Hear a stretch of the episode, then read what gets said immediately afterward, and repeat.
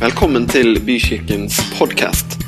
For mer informasjon om oss cvvvbykirken.no.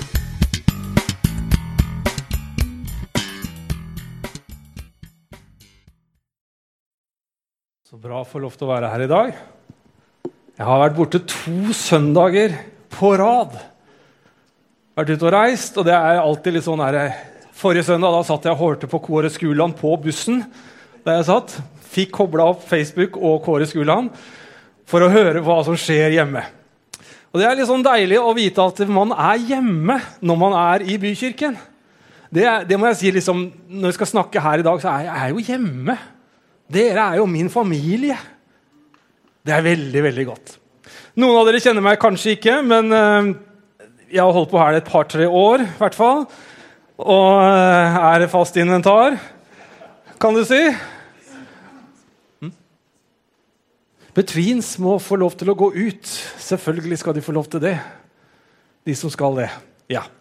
Bra. Eh, jeg må si at jeg tenker at sånn som det står her, det beste ligger foran. Det har vært en fantastisk høst. Jeg hører noen som sier at den høsten her har starta med et brak, og det har gått i 100. og Det må jeg ærlig innrømme at det synes jeg også. Det har vært fantastisk mye som skjer. Og, men, men jeg må si at jeg er veldig optimistisk. Eh, Jeg var i Stockholm for noen uker siden, og liksom, eh, hovedoverskriften er 'Wake up Europe'. Det er en stor greie på at vi skal få lov til å se mennesker få lov til å møte Jesus om dagen som aldri før. Det er et løft, det er en måte å tenke på som handler om å stå sammen og ikke holde på med hvert sitt. Og det har jeg lyst til å dele litt rundt noen tanker om det, det man opplever og ser nå om dagen. Men eh, jeg måtte jo reise til Bergen for å treffe Bent Ove her forrige dagen. Bent Ove og jeg vi hadde en veldig fin dag i går. Det gikk i går, men på fredag. Jeg reiste inn på morgenen, han reiste inn på torsdagen, og vi fikk lov til å være sammen på Saltkonferansen. 850 stykker som samla oss på Saltkonferansen. For første gang på mange år så var det konferanse igjen, og det var stappfulle hus, og det var skikkelig bra. Noen av dere kanskje fått lov til å se det på TV10. Kanal 10, mener jeg. Eh, og, det har vært skikkelig bra. Og så skulle Bent Ove og jeg spise middag, og det raskeste og enkleste var jo selvfølgelig Peppes ved siden av eh, Forum der. Og vi fant fram menyen.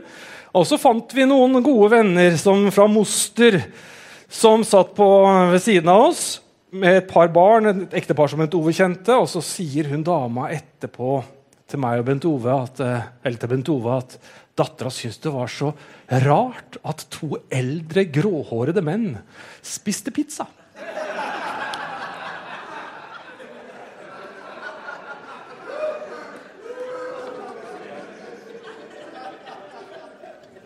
Og jeg må ærlig innrømme at Ja, er vi der?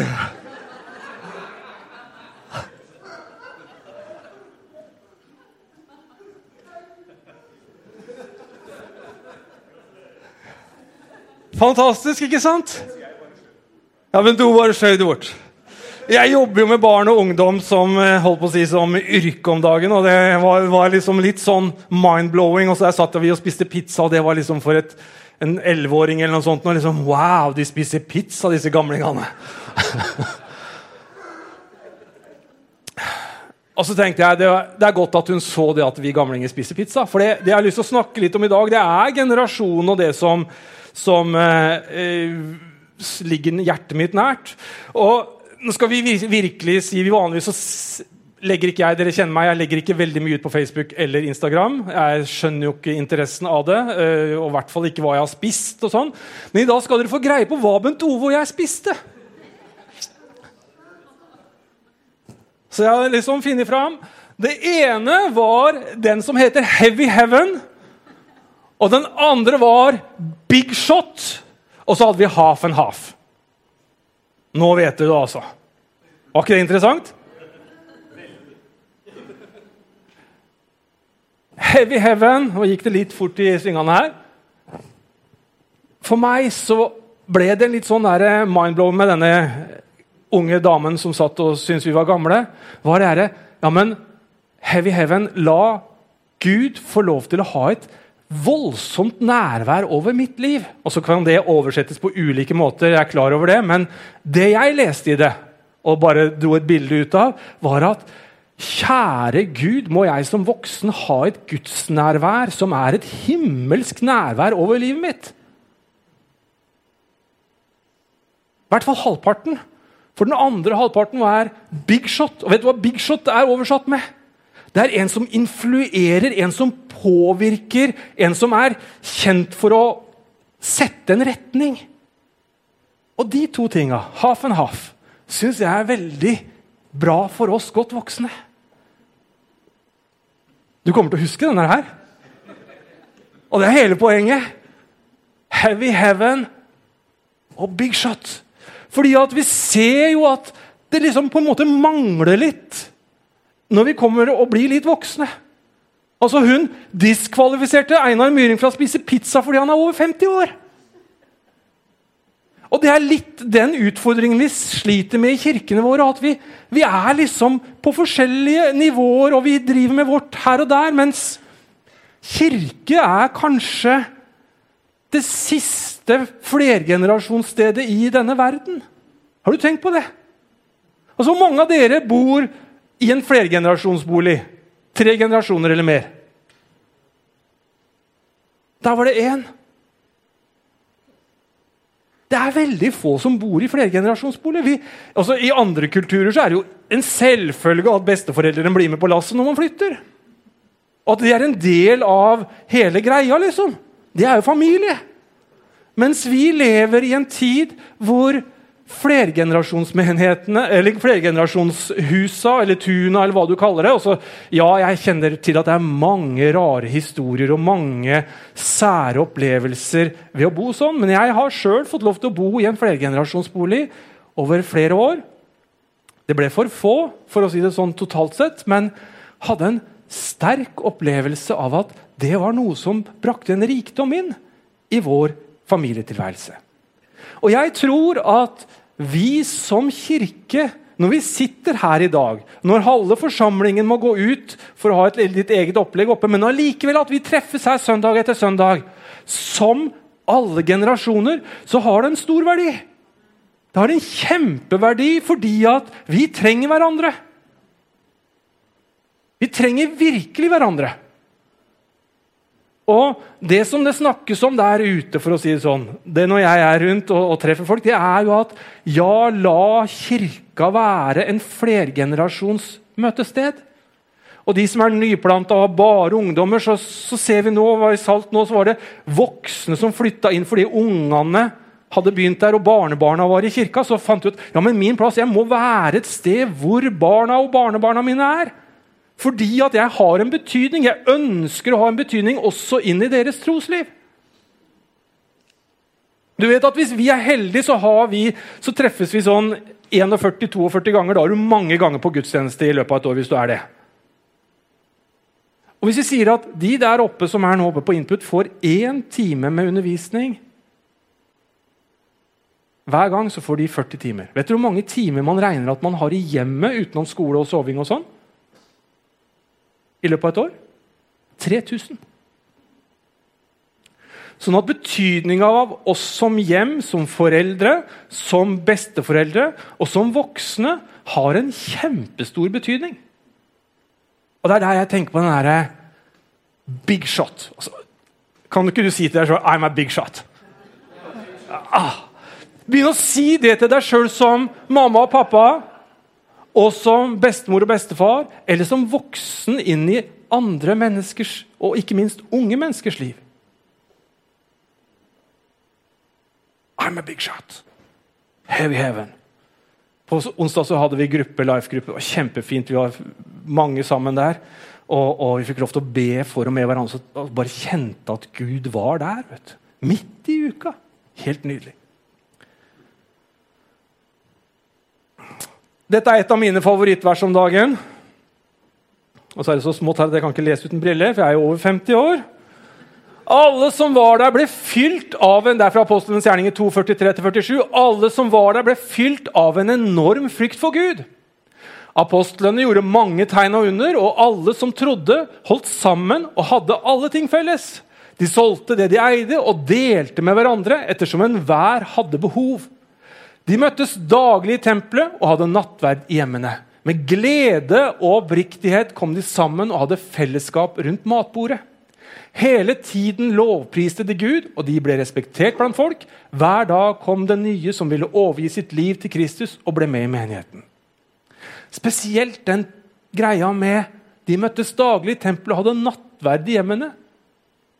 De hadde fellesskap rundt matbordet. Og jeg tror at en av de største utfordringene vi har i dag, er, er fellesskapet. Jeg hadde en prat med en ung herremann her ute, og han sier liksom Ja, Einar, hva ser du som den store forskjellen et veldig bra spørsmål, som den store forskjellen liksom på, på, teknologi i dag, og hvordan, hvordan, vi lever i dag. Vil du si at min generasjon er heldig som får lov til å vok vokse opp i den teknologiske tidsalder? liksom? Jeg tenkte oh, wow, for et spørsmål fra en uh, sånn ung herremann. Så sier jeg ja, jeg tror du er heldig på veldig mange måter, for det er veldig mye spennende. Teknologi gir muligheter for utrolig mange forskjellige måter å lære på. og Man gjør ting enklere, og det er stor variasjon og store muligheter til å velge. Men som jeg sa til han, så er noe av den store utfordringen at vi sender bilder, vi sender videoer som ikke er, er eh, som vi kan legge filtre på, vi kan uh, se sånn og sånn ut, og vi kan ordne og fikse sånn at det ser bra ut. Og så sier han til meg ja, Det er jo litt vanskelig for deg å putte på et filter når vi sitter her og snakker. Altså, Jeg kan ikke putte på et filter på en måte som gjør at jeg er jo der jeg er nå, i den direkte kontakten. Og det vi ser Nå snakker jeg ut fra jobben min igjen. Lett, det med barn og unge er jo at de trenger ikke de tinga som kan googles. De trenger den nærværet og den relasjonen. Så jeg blir jo så glad når de forteller her og sier at ja, men be når dere spiser sammen. Men for all del, spis sammen, da! Også du som bestemor og bestefar, inviter til middag, da! Du kan gjerne si at nei, de kommer jo aldri, men inviter på mat. Det er ofte en god greie. Ja, men seriøst! Og det er ingenting som forener så mye som det å spise sammen og ha tid sammen. Og så er det hyggelig med koselige meldinger med hjerte på. alt Det der. Det, det gjør jeg sjøl også. Men det er jo fellesskapet sammen som skaper noe, som gjør noe. Og når vi tenker på at vi skal ønske at mennesker skal få lov til å oppleve Jesus sammen, så tror jeg at den største utfordringa vår er denne. Det er en utfordring for oss, det. Og Så møter jeg noen innimellom som sier jeg har ikke digital kalender. Einar. Nei vel, sier jeg. Jeg har det skriftlig. Å, kjære Gud, tenker jeg da. Hvordan får du det til? Og Så bretter de opp denne kalenderen sin, og den er stappfull med notater. Og så husker jeg jo bare tre år tilbake når vedkommende som alltid drar denne kalenderen opp, sier han hadde mista kalenderen. Og det var krise. Men vi voksne vi har en tendens til å synes at travle kalendere er litt bra. Og meg sjøl inkludert så er den kalenderen altfor full til tider. Og Jeg løper, og jeg syns jeg gjør en bra jobb, og jeg løper og jobber. og ja, Jobber så mye der og så mye der, og så er det veldig fint. Det er sikkert. Men samtidig, hvis jeg ikke har tid til relasjonene mine hjemme, eller i life-gruppe, eller i ellers med venner, så har jeg en utfordring. Virkelig. Og vår kalender er kanskje det største hinderet for å ha relasjon med de som er yngre. Du tenk på det. Vi sier det ikke, men de skjønner jo at vi er travle. Det var En som jeg hørte forrige dag som sa at pensjonisttid var det travleste tida han noen gang hadde hatt. Ikke vet jeg, men jeg tror vi har et eget behov for å fylle dagene våre med noe. Jeg tror ikke det er helt sånn ukjent for oss, men jeg tror kanskje vi bør utfordres litt på å holde litt igjen. da. For det er ikke alltid kalenderen bestandig som vi gleder oss over. Det er mye faktisk innimellom tenker at åh, kunne jeg sluppet det møtet? Eller kunne jeg gjort det på en annen måte? Er du med? Er dere fornøyd med kalenderen deres? Nei, men så seriøst, du, liksom, Er du fornøyd med den, den gir bare energi, den kalenderen min! altså. Ho, og jeg bare ser på neste uke og så sier jeg, halleluja, jeg gleder meg over kalenderen min. Jeg gjør jo ikke det! Jeg, de ler av meg på jobben med de jeg jobber med, for de ser kalenderen min. Jeg har en sånn ordning så de kan se kalenderen min, sånn at de vet når de får tak i meg og hvordan det funker. Så sier jeg det er fint at dere ser kalenderen min, men jeg ser jo ikke deres. Så, men det er kanskje like greit. Eh, så slipper jeg å være på den, for å si det sånn. Men, men jeg innrømmer at møter innimellom det er også en pain. Får ikke gjort mye møter, men du må være der. Så jeg jobber med liksom, hvordan kan vi ordne disse møtene våre. Er det ting gjennom uka som gjør at jeg ikke får være den jeg kan være? Være den jeg kan være for barna mine eller barnebarna mine eller andre jeg egentlig trenger å stå i relasjon til?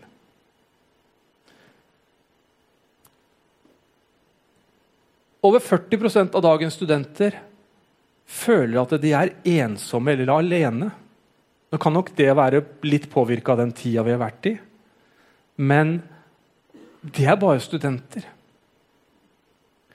I dag så er det så mange voksne mennesker som føler seg ensomme.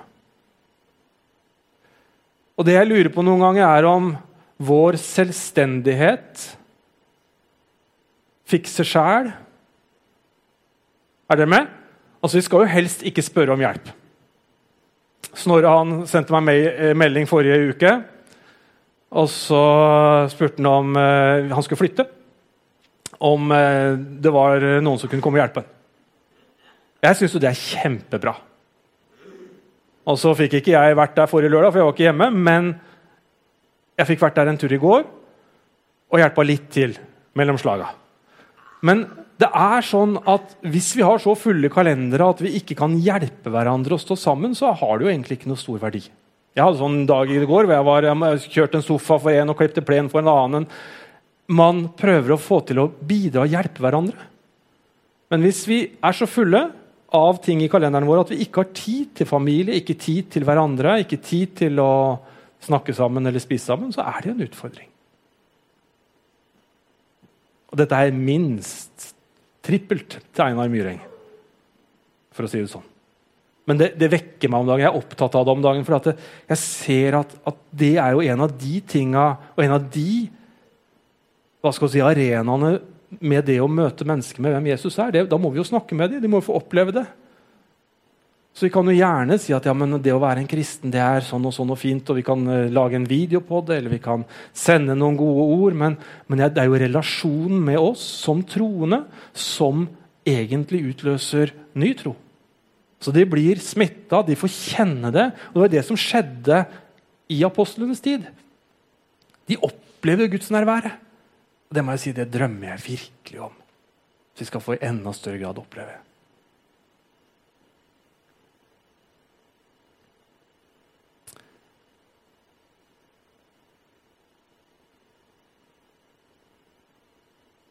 Det er jo litt nostalgisk. nostalgisk.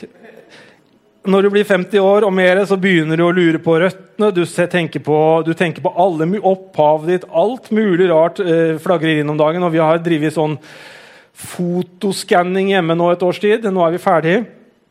Eller vi fikk ikke et års tid, vi holdt på noen måneder. Men, men jeg fant et gammelt bilde.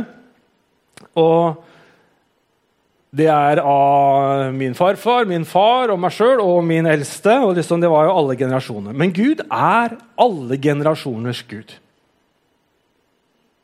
Han er ikke bare barnas. Og vi har jo hatt stort fokus på barn, barn og unge, og det skal vi fortsatt ha. Men jeg ønsker å utfordre oss i vår tankegang på at han er alle generasjoners Gud. Alle er like viktige for Gud. Du vet at For en, en, tid så var det jo sånn at damene skulle tie i forsamlingen, og mennene kunne snakke. for å si det sånn, Og, det var liksom, og så var det en som sa noe så klokt som at det er rart at Gud har skapt både mann og kvinne, og så bruker han bare halvparten av dem til tjeneste. Liksom, Hva er tanken? Men vi tror at Gud er Gud for mann og kvinne stor og liten, alle generasjoner. Og det tror jeg at vi som kirke skal reflektere. Selv om det er annerledes i en tid hvor vi er opptatt av de ulike fasene vi er. Vi er opptatt av at sånn og sånn skal det være der. og Vi alle strever etter å se yngre og yngre ut. En 60-åring er jo i dag som en 50-åring for 20-30 år siden osv. Har du sett det? Ganske påfallende noen ganger.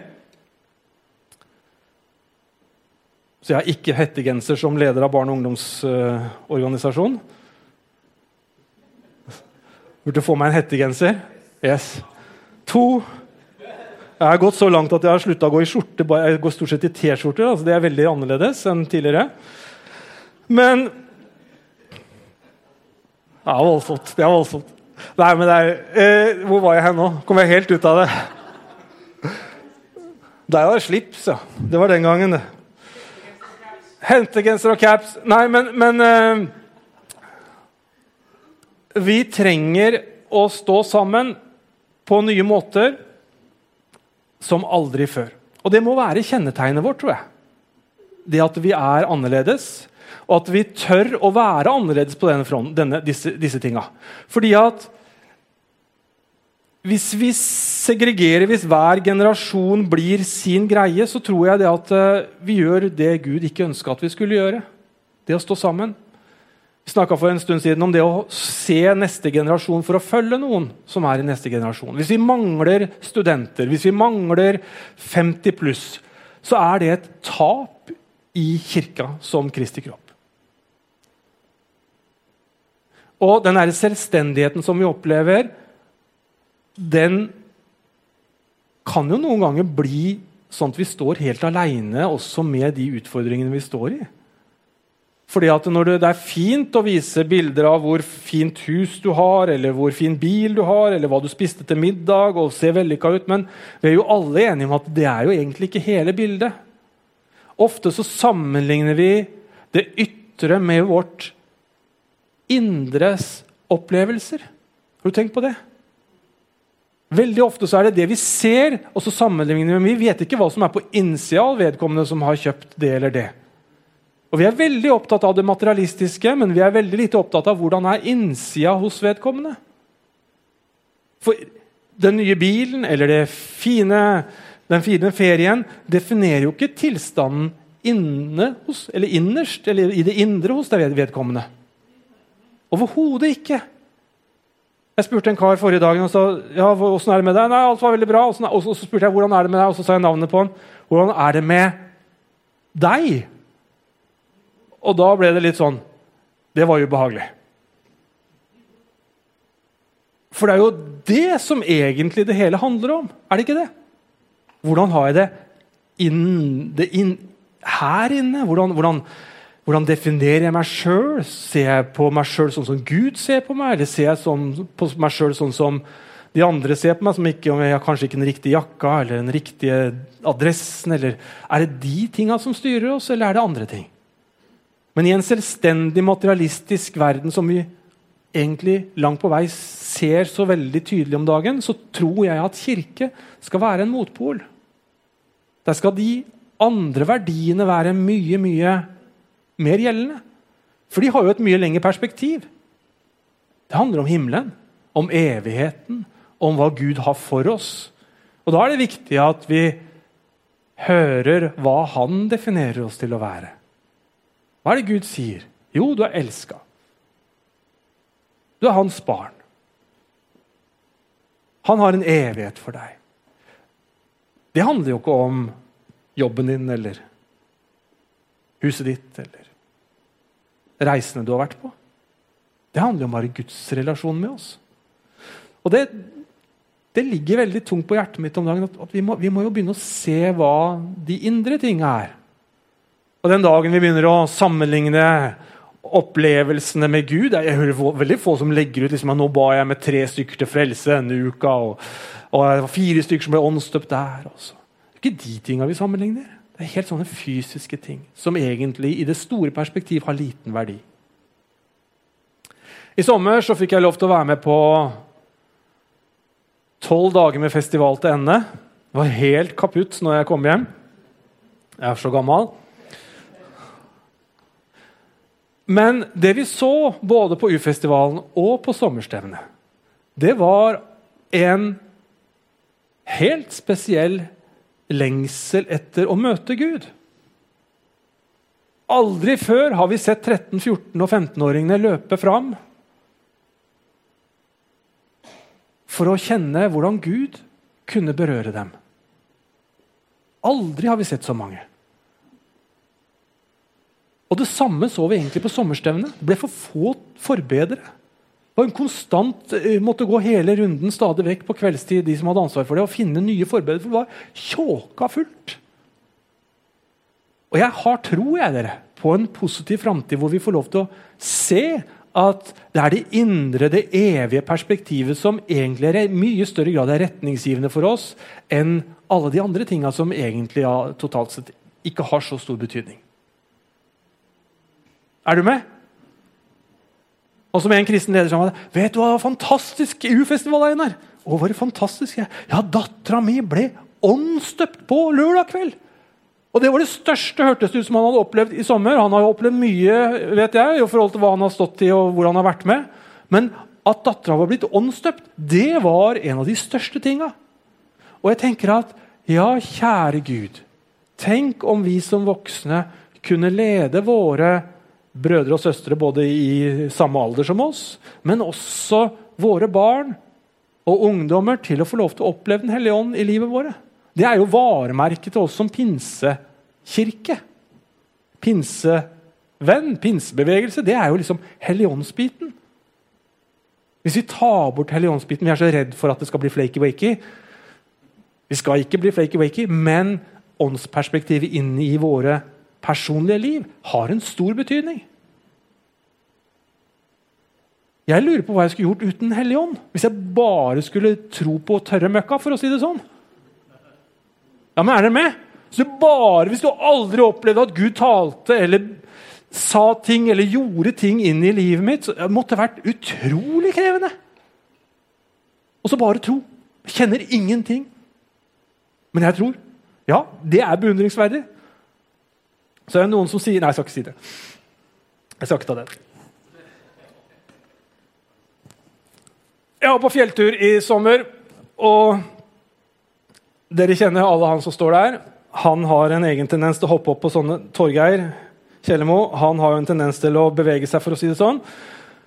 Og det han ser etter, det er alltid sånne ruggesteiner. Han kan stå og kjenne på at det rugger svære steiner, og så får han litt bevegelse i det. Syns det er kjempegøy. De rugger bare. De blir aldri flytta på. Annet enn lite grann sånn. Men jeg har tenkt mye på de siste to åra, for jeg våkna i natt med en drøm av en svær stein hvor det var tau bundet til denne steinen. Og så var det en hel haug med mennesker som dro i den steinen. Men de dro alle veier. Det var ingen tvil om at steinen var i bevegelse, men den bevegde seg jo ikke i noen retning. Er dere med? Og så så jeg et nytt bilde. Så mange som dro i de samme tauene, men de dro i en retning. Og jeg tenker at Vi som kirke og som kirker i mye større grad må tenke at vi drar i samme retning. Og så Det er beundringsverdig her hos oss når desibelnivået passerer 85 desibel, som det så på klokka mi i dag. at Hvis jeg skulle være her, så måtte jeg ikke være her lenger enn 1 time og tre kvarter i et sånt lydtrykk. Smilte jeg litt for meg sjøl og tenkte ja, sånn har vi det. Men vi sitter da alle og er på gudstjeneste, selv om kanskje noen sier at ja, men det er altfor høyt eller er altfor mørkt eller det er altfor sånn eller sånn. Jeg liker jo country, eller jeg liker klassisk musikk, jeg liker salmer, jeg liker lovsang av en litt annen karakter enn det vi synger i bykirken. Men allikevel så er vi her. Og For meg så er det en sånn tegn på at ja, vi har en retning utenom at vi har alltid en helt lik oppfatning på alle ting. For det greier vi aldri å få i en kirke. Men det å ha en retning tror jeg er utrolig viktig. Kobler den ut nå? Det å ha en retning sammen er viktig for oss som kirke. Og da trenger vi alle mann for å si det sånn. Vi lever i en tid hvor man øh, eh, si eh, Man er jo veldig opptatt i Russland om dagen om denne mobiliseringen. ikke sant? Og man henter inn reservestyrker, man henter inn eh, veteraner osv. Men i den åndelige tanken og kampen vi står i, så trenger vi ikke bare de unge. Vi trenger faktisk alle generasjoner inn.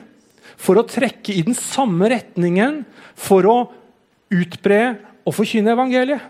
Evangeliet dere går fram i alle deler av verden, nesten utenom Europa.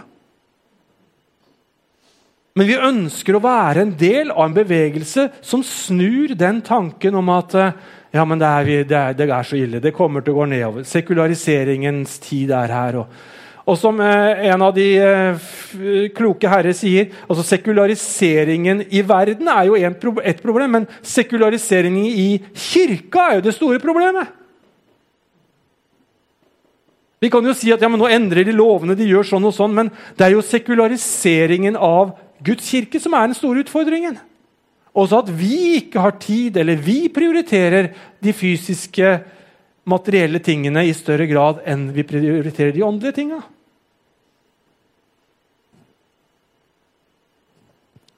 Lukas 4, eller 5, unnskyld. Da han var ferdig, sa han til Simon, 'Nå kan du ta båten ut på dypet og kaste garnet til fangst.' Men da svarte Simon, 'Mester, vi har fisket i hele natt uten å få noe.' Men siden du sier det, jeg, vil jeg kaste garnet ut igjen. Veldig mange i dag har vært i kirke gjennom en årrekke, og de syns de har sett altfor få mennesker blir frelst. Er det noen som kjenner på det innimellom? Det er, jo, det er jo ikke mange nye. Og jeg tror i dag at Guds ord til deg i dag er at Ta båten ut på dypet igjen, da! Og kast garna på nytt. Og at vi svarer til Jesus ja, la oss gjøre det igjen. Du vet, det der er en sånn fiskebåt som er ute i Oslofjorden. Jeg tror ikke du finner noe særlig større enn den. Og siden det er så mye måker etter den, så er, betyr det at han er på vei inn. Er dere med på tanken?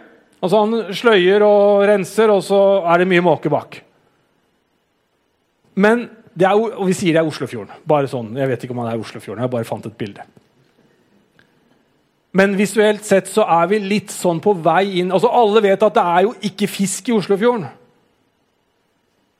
Det er veldig lite fisk i Oslofjorden. Du får ikke lov til å fiske torsk. Du kan vel ta noe makrell, men det er elendige greier. Og det er sånn det kanskje føles ut. Kanskje sånn det oppleves i våre kirker. Men det er ikke så mange som skal jobbe på den båten heller. vet du. Det er, det er ikke liksom 40 mann på den båten der i besetning. Men denne denne er det litt folk på. Denne går ikke inn hver dag til kai, for å si det sånn. Denne er en sånn båt som naboen min eh, var på. Og bare sånn litt sånn perspektiv. Den var 33 meter brei. altså Den var litt grann smalere enn det bygget her. Og så var den 70 meter lang, så den var 4 meter lengre enn det bygget her. Nå snakker jeg hele bygget. Og så var den 8 meter høy, altså omtrent like høy som huset her. Det var den båten han var på, og da var han ute i måneder. Og så fiska de ikke langs kysten, de fiska ikke i Oslofjorden, for å si det sånn. De fiska oppe i Barentshavet med masse fisk.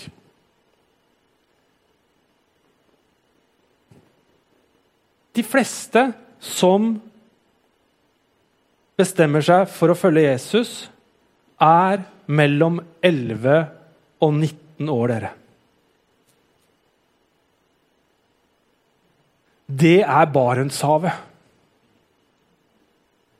Og jeg inviterer deg inn til å være med på den besetninga som kan være med på å vinne barn og ungdom for Jesus. Det betyr kanskje at du må gjøre ting litt annerledes i kalenderen din. Men samtidig så har det så stor betydning. For vi må jo også være ærlige på at de blir frelst. Men det er liksom du ser det røret der. Det er som å ta, la fisken som skal foredles, bare bli skylt ut igjen også. Så man bare tømmer det ut på andre sida. Det er den største utfordringen vår i dag. og Når jeg refererer til studenter, så er det en av de tinga. Når de kommer til 19-20-årsalderen, og kanskje enda tidligere, så velger de andre ting. De velger å forlate troen. Vi har ikke arenaen hvor de treffer andre både venner og av det andre kjønn, som kanskje, kanskje, har lyst til å gifte seg med noen som er kristen, men de finner ingen i kirka si. Finner ingen i miljøet, og så prøver de å finne andre steder. De får ikke svar på de vanskelige spørsmålene. For det er en del vanskelige spørsmål. Og vi voksne vi har gått foran. Vi har feid det litt under teppet. Vi har, vi har, ikke lyst til å snakke om de tingene. Det er vanskelig. Det gidder vi ikke å snakke om. Vi har vært litt feige som voksne. Men at vi faktisk jobber med overgangene, som jo er de kritiske i alle menneskers liv. Det, når du er over, skal over i barnehagen, det er kritisk. Kjempevanskelig. Skal de, når skal de det? Utfordrende fra barnehage til skole, det er krevende. Og så er det utfordrende fra barneskole til mellomtrinn og mellomtrinn til ungdomsskole. er ulike behov, Men overgangene dere er kritiske. Så blir du student, så skal du gifte deg og starte familie. Det er også en kritisk greie. Så får du første barnet. Spennende, men krevende. Noen av dere har fått, mange av dere har barn. En del som har barn. Det er ganske spennende når du får det der lille nurket i hendene og lurer på liksom, hvordan skal jeg gjøre med denne. Det er jo det. Og så tenkte jeg at når en fikk voksne barn, da var det da, nå er det Herrens glade dager, og alle flytter ut. og sånn. Det er krevende, det òg. Det er ikke alt som går så strømlinjeforma bestandig. Og så må du være der som mamma og pappa selv når de har passert 20 år. Sånn er jo livet. Men vi trenger jo, og vi har behov for andre. Det er der jeg tror vi har et utrolig potensial som kirke.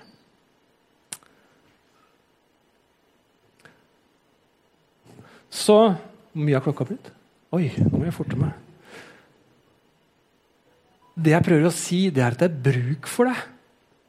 Og at eh, det er muligheter fortsatt til å være en del av det som skjer fremover. Og at vi kan snakke med hverandre rundt kalenderne våre og prioriteringene våre. Som voksne. Det er noen unge mennesker her, så dere får høre hva vi voksne tenker. Er det greit, det? Men at vi faktisk må, må, endre tankesettet vårt på hvor vi skal hen og hva vi skal. Kan vi sammen forene oss og trekke i samme retning, hvor vi gjør det mulig for at det flest mulig får oppleve Jesus? Og Dette er ikke en tale som sier imot at det å vinne din kompis på 35 år, eller på 55 år eller på 75 år Det er ikke det jeg sier at du skal slutte å, å ha fellesskap med vedkommende for å dele tro. Men vi fisker stort sett der vi tror det er fisk. gjør vi ikke det? Så det er viktig å ha fokus på at du betyr noe inn i et ungt menneskes liv. Jeg prata med en pastor i sommer, og han sa hvordan har året vært. Nei, Det har vært spesielt. Selvfølgelig pga. koronaen og alt dette her. Hva er den største endringen du har gjort da siste året? Jo, sa han. Jeg har åpna døra for ungdommene. Å, sier jeg. Ja, jeg er jo en voksen mann, og jeg er jo pastor, men det har jo liksom tidligere bare vært de som er ungdomsledere, som har ansvaret for det. Og jeg har huset fullt. Kontoret løpes ned. Og det er helt fantastisk å få lov til å dele tro og liv med disse menneskene. Du vet at Tradisjonelt sett så har vi kanskje putta unge damer og menn inn som ungdomsledere og pastorer, ungdomspastorer. Og så jobber de med kanskje den mest krevende tida i si, menighet, sin menighetstid. Da er det den største, og De de er pastorer eller ledere for, de er jo i den største ombyggingsfasen ever. de. De skal finne, I dag så skal de jo finne de skal, ikke finne ut, de skal ikke bare finne ut om de er den de er. Det er, det er veldig vanskelig, faktisk. Men også de skal jo formes i hva de skal gjøre, yrke, verdier osv. Og, så videre, og så er det ganske krevende. Psykisk helse er jo utrolig krevende om dagen, spesielt blant de unge. Det er et stor utfordring. Og mangelen i mange sammenheng er jo det å bli sett. Mamma og pappa er så travle, har ikke tid. Besteforeldrene har ikke tid. Men vi som kirke må jo ha tid til å møte disse unge menneskene, sånn at ikke den ungdomslederen blir aleine med utfordringene. Som en sa, en ungdomsleder sa til meg her i vinter altså, Jeg vet jo ikke hva jeg skal gjøre når noen ringer og sier at nå tror jeg faktisk at jeg har lyst, må ta livet mitt. Jeg er så fortvila. Men du må ikke si det til noen. Og så står da denne kanskje 20 års gamle jenta som er leder, aleine med byrden på en som er 17, som, som syns livet er så mørkt. Og Da tenkte jeg at du må jo ha flere voksne rundt deg. Du må jo ha et system som gjør at du blir ivaretatt som leder også. Men det er der voks, vi voksne kommer inn, at vi må jo være kanskje førsteskansen i større grad enn bare en ungdomsleder. Og fra å være ungdomsleder i dag, eller fra tidligere hvor du hadde en 20% stilling, da hadde menigheten satset. Jeg var i en sammenheng nå hvor de syntes de var flinke fordi de hadde brukt 5 Og jeg tenkte kjære Jesus, 5% inn.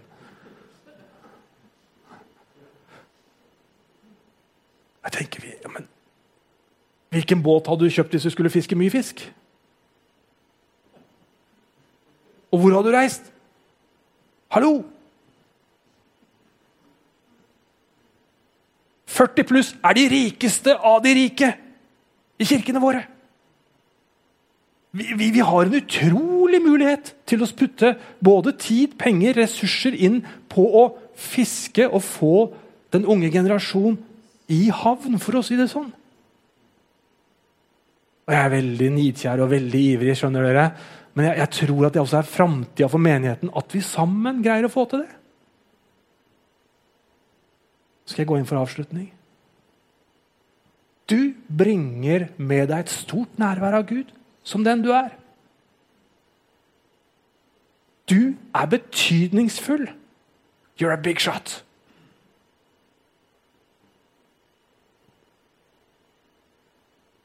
Kan vi ikke la det, begge de to tingene prege oss som kirke og som enkeltpersoner i det daglige? Og så ikke bare på søndag. Det er jo i uka det skjer, dere. Det er min bønn og min utfordring så kjenner jeg at jeg er positiv. Jeg tror det er virkelig er framtid og håp, dere. Jeg tror det er det beste som ligger foran. Fordi du er med. Halleluja. Skal vi reise oss, så skal vi gi deg mulighet til å få lov til å få lov til å bli bedt for hvis du ønsker det. Jeg skal stå der nede, og sikkert noen flere med meg etter hvert. Og vi utfordrer hverandre, og vi gjør det i kjærlighet. Vi sier ikke dette for å trykke deg ned, men heller for å løfte opp perspektivet om et lengre mål, en større mulighet. Et liv med Jesus som er langt viktigere enn alt annet. Og så får vi lov til å dele troen vår med barn og unge og hverandre i tida fremover.